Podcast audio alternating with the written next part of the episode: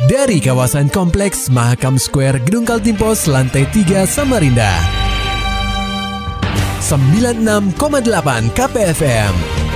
Kita akan ikuti program KP Flash News.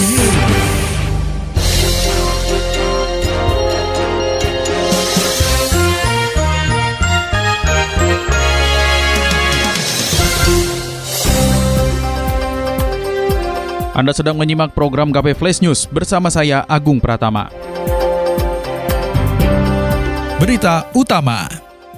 Pemkot Samarinda terapkan WFH bagi ASN selama PPKM Mikro.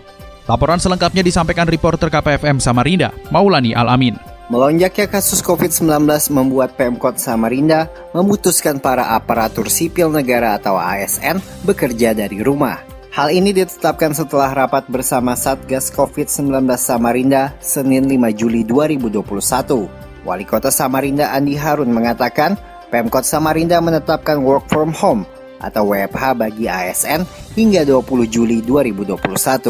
Andi juga meminta kepada ASN untuk tidak melakukan perjalanan dinas keluar daerah, berlaku mulai dari wali kota sampai tingkatan ke bawah lainnya termasuk tidak menerima tamu dinas kecuali untuk kepentingan mendesak negara. Selain itu, sekolah-sekolah percontohan tatap muka yang kini berlangsung di 14 sekolah Samarinda akan dihentikan sampai 20 Juli 2021. Sekolah tersebut akan dibuka kembali namun mengikuti perkembangan terakhir COVID-19 dan kebijakan pemerintah pusat. Kita akan melakukan pembatasan kegiatan masyarakat ya di sektor uh, yang apa di, di kegiatan yang biasa menimbulkan kerumunan yang tidak dapat dikendalikan. Okay. Wali Kota Samarinda Andi Harun juga menegaskan, pasar malam juga akan diberhentikan sampai 20 Juli 2021. Sementara mall dan tempat hiburan malam atau THM hanya beroperasi sampai pukul 21 waktu Indonesia Tengah. Sedangkan toko yang menyediakan bahan pokok diberi kelonggaran sampai pukul 23 waktu Indonesia Tengah. KPFM Samarinda, Maulani Al-Amin, melaporkan. Berita selanjutnya, guna menekan penyebaran kasus COVID-19, Gubernur Kaltim Isranur menerbitkan instruksi terbaru terkait pemberlakuan pembatasan kegiatan masyarakat atau PPKM berbasis mikro. Instruksi bernomor 14 tahun 2021 tersebut sekaligus menindaklanjuti arahan Menteri Dalam Negeri Republik Indonesia yang menginstruksikan agar kebijakan PPKM berbasis mikro diperpanjang dan lebih mengoptimalkan pos komando penanganan coronavirus disease 2019 di tingkat desa dan kelurahan. Total ada 10 poin instruksi yang disampaikan dalam surat yang ditujukan kepada bupati, wali kota, camat, dan kepala desa serta lurah. Salah satu poin dalam instruksi tersebut ialah optimalisasi pelaksanaan PPKM Mikro yang diperketat sampai dengan tingkat rukun tetangga yang berpotensi menimbulkan penularan COVID-19 dengan mempertimbangkan kriteria zonasi pengendalian wilayah.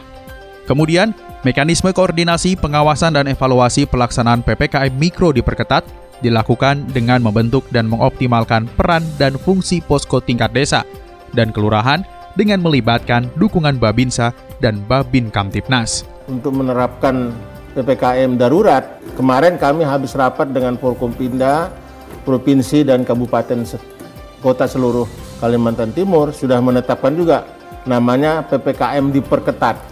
Seperti apa Pak pemberlakuannya Artinya dan sebenarnya apa yang sama berbeda? saja melakukan penyekatan pada titik-titik perbatasan antara kabupaten kota harus diperkuat Mhm. dan tetap harus melaksanakan yang namanya eh, kegiatan-kegiatan yang memang tidak perlu harus dihentikan atau tidak diperkenankan untuk dilaksanakan termasuk misalnya kegiatan-kegiatan seperti restoran tempat-tempat acara perkawinan juga dibatalkan Gubernur Kaltim Isranur juga mengeluarkan dua surat edaran atau SE.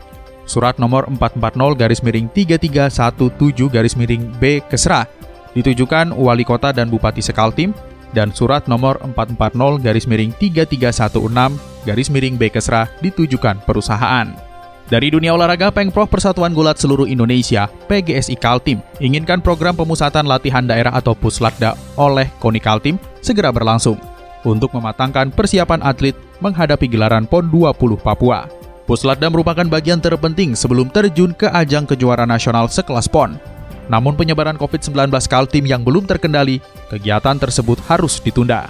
Sekretaris Umum Pengprov PGSI Kaltim Sumarlani mengatakan sebenarnya penundaan itu cukup mengganggu program latihan atletnya. Selain itu juga biaya transportasi latihan hari-hari dipastikan bertambah dibanding ketika Puslatda telah berlangsung. Kendati demikian, Sumarlani memaklumi penundaan tersebut.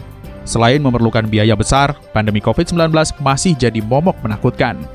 Yang ditunggu-tunggu oleh atlet seluruh atlet ya, tetapi atlet gulat sudah sangat uh, menanti-nanti karena pemusatan latihan ini sangat penting bagi mereka karena supaya bisa fokus latihannya dan bisa ter apa namanya program latihan bisa dijalankan dengan baik mengingat bahwa sekarang ini kan kondisi cuaca hujan sering hujan sehingga masalah uh, transportasi macam-macam itu kan sangat diperlukan untuk uh, pemusatan latihan itu sendiri.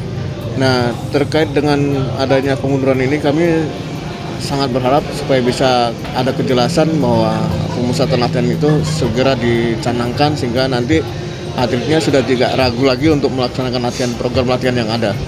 Meski demikian, Sumarlani tetap bangga dengan kondisi fisik dan kesehatan atlet gulat yang mendapatkan hasil terbaik dalam beberapa tes yang dilakukan. Maulani Alamin, KPFM Samarinda. Serta dapatkan berita-berita selengkapnya di www.968kpfm.co.id. Demikian tadi telah kita simak rangkaian berita-berita yang terangkum dalam program KP Flash News.